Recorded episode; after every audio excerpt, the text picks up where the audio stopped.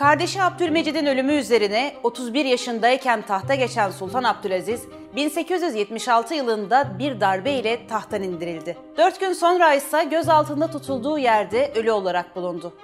Tarih 27 Haziran 1881, günlerden pazartesi, yer Yıldız Sarayı. Yıldız Sarayı'nın Malta Köşkü'nde tarihi bir duruşma gerçekleşti. 1876'da junta kurup darbe yaparak Sultan Abdülaziz'i öldürdüğü iddia edilenler yargılanacaktı. Mahkeme yeri dikkatinizi çekti mi?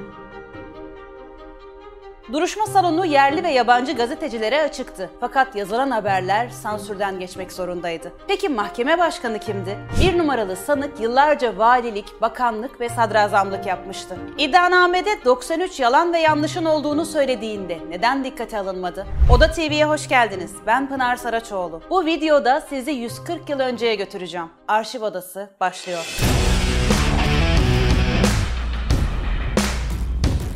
Yıldız Sarayı'nda oturan 2. Abdülhamit mahkemenin kendi kontrolünde olmasını istiyordu. Mahkeme heyetini de zaten kendisi seçmişti. Mahkeme başkanı davanın bir numaralı sanığının Tuna Valiliği döneminde yolsuzluk yaptığı için kadılık görevinden aldığı Sururi Efendi'ydi. Sanki öcünü alsın diye mahkeme başkanı yapılmıştı. Mahkeme başkanının hemen arkasındaki koltukta oturan kişi ise Adliye Nazırı Cevdet Paşa'ydı. O da yenilikçilerin önderi bir numaralı sanıkla yıllarca ideolojik kavga kavga eden gelenekçilerin lideriydi. Sanıkların avukat tutmalarına izin verilmedi. Onları savunacak avukatları doğrudan doğruya adliye nezareti seçti. Bir numaralı sanık avukatı reddetti sabah saat 9 gibi 11 sanıklı dava başladı. Kimlikleri soruldu, iddianame okundu. 1876 darbesini yapanlar bazı tetikçileri görevlendirerek Sultan Abdülaziz'i öldürmüşlerdi. İddianame öyle gizli tanıklara falan dayandırılmadı. Bizzat sanıklardan Pehlivan Mustafa, Boyabatlı Hacı Ahmet ve Cezayirli Mustafa itiraf edip öldürdük demişlerdi. Bu itiraflar üzerine Başsavcı Latif Bey de şu iddiayı öne sürdü. Bunlar tek başlarına böyle cinayet işleyemezler. Mutlaka darbeyi yapan cuntacılardan emir almışlardır. Tanışıklığa ilişkin bilgi, belge yoktu. Zaten bu delilleri arayan da yoktu. Bir numaralı sana söz verildi. İlk sözleri şu oldu. Cenab-ı Hakk'a şükrediyorum. Böyle bir mahkemeye hırsızlık, yolsuzluk, rüşvet ve ülkede fesat çıkarmak gibi bir suçla davet edilmedim. Buraya gelişimin nedeni milletime ve vatanıma sevgimdir. Mahkeme Başkanı Sururi Efendi sertçe araya girerek iddianameye ne diyeceksiniz diye sordu. Yalnız iki yeri doğru buldum diye yanıt verdi. Birincisi iddianamenin başındaki besmele, ikincisi ise iddianamenin altındaki tarih. Ardından iddianamede 93 yalan ve yanlışın olduğunu söyledi. Bunların görüşülmesini istedi ama mahkeme buna izin vermedi. Sadece soruların yanıtlanması istendi.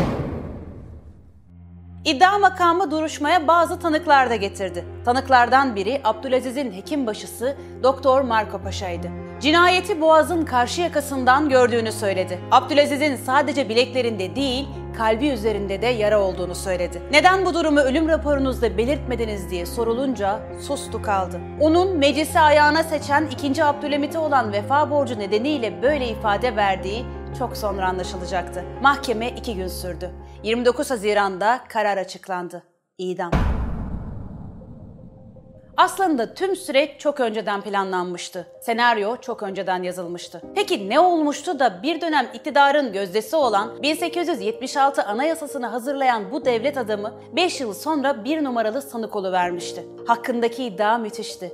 Çünkü cumhuriyetçiydi. Osmanlı saltanatına son vererek cumhuriyeti ilan edeceği söylentisi çıkarıldı. Güya Osmanlı'dan artık hayır gelmeyeceğini ve cumhuriyet rejimine geçilmesinin ihtiyaç olduğunu söylüyordu. Onun cumhuriyetçi olduğunu 2. Abdülhamit'in kulağına söyleyenlerin başında Yıldız Sarayı'ndaki mahkemeyi yakından takip eden Adliye Nazırı Cevdet Paşa vardı. Cumhuriyetçi olmakla itham edilen bir numaralı sanık önce yurt dışına sürgüne gönderildi. Oradaki politikacılarla görüşmelerinden rahatsızlık duyulup Girit'e zorunlu ikamete mecbur edildi. Gitme, öldürülürsün uyarılarını da dinlemedi, adaya gitti. Burada hürriyet kahramanı sloganlarıyla karşılanması ve halkın büyük sevinç göstermesi üzerine iki ay sonra Suriye valiliğine atandı. Şam'da da büyük bir coşkuyla karşılandı. Burada da fazla kalamadı. Çünkü dedikodular çıkmıştı. Kavalalı Mehmet Ali Paşa gibi Suriye'nin özelliğini isteyip sonra bağımsızlığını ilan edip Cumhuriyet ilan edecekti. Tayini hemen Aydın İzmir valiliğine çıkarıldı ve sonra Abdülaziz'in intihar etmediği,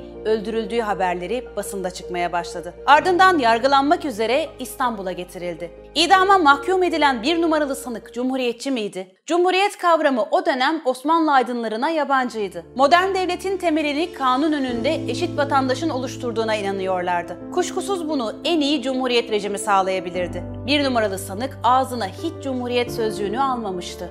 Ama ileri sürdüğü fikirler Cumhuriyetle örtüşüyordu. Sonunda Taif zindanında boynu kırılarak öldürüldü. Resmi raporlara şirpençe hastalığından öldüğü yazıldı. Bir numaralı sanığın kim olduğunu tahmin edebildiniz mi? Bir numaralı sanık Mithat Paşa'ydı.